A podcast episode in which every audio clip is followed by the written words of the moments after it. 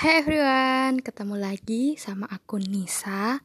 Kali ini sesi teman bercerita ketiga. Selamat mendengarkan. Halo teman-teman, perkenalkan nama saya Tifa, alumni Perikanan Angkatan 2016. Sebelumnya, aku ingin mengucapkan terima kasih kepada Mbak Nisa yang telah memilih saya sebagai teman bercerita di podcast ini. Kali ini, saya akan sharing tentang perikanan. Uh, apa sih yang teman-teman pikirkan kalau dengar kata perikanan?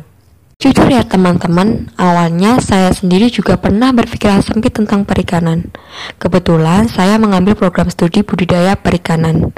Saya berpikir bahwa budidaya perikanan ya hanya fokus pada budidaya ikan air tawar, payau, dan laut.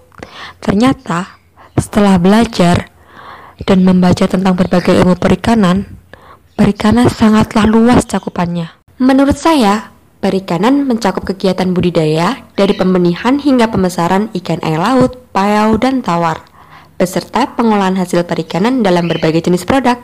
Selain itu, juga mencakup kegiatan konservasi dan manajemen sumber daya perikanan. Mengenai suka duka kuliah di perikanan, menurut saya sih banyak sukanya sih daripada dukanya. Apalagi di perikanan banyak praktikum lapangan.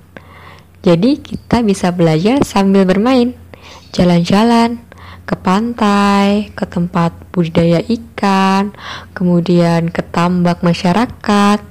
Banyak deh pokoknya. Jadi kita nggak akan merasa bosan. Dukanya ya mungkin karena di perikanan banyak laporan ya.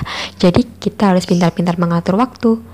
Ya biar nggak keteteran tentunya. Praktikum yang banyak dan laporan yang menumpuk itu sih yang menjadi perjuangan paling berat di saat kuliah di perikanan. Apalagi di semester 5 dalam satu semester aja ada enam praktikum. Hmm kebayangkan bagaimana banyaknya laporan di semester itu?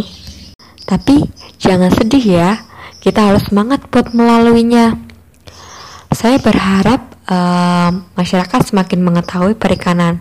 Di sini ada loh fakultas perikanan jadi jangan ragu buat masuk ke perikanan Jangan takut cuma karena laporan. Perikanan bisa menjanjikan loh.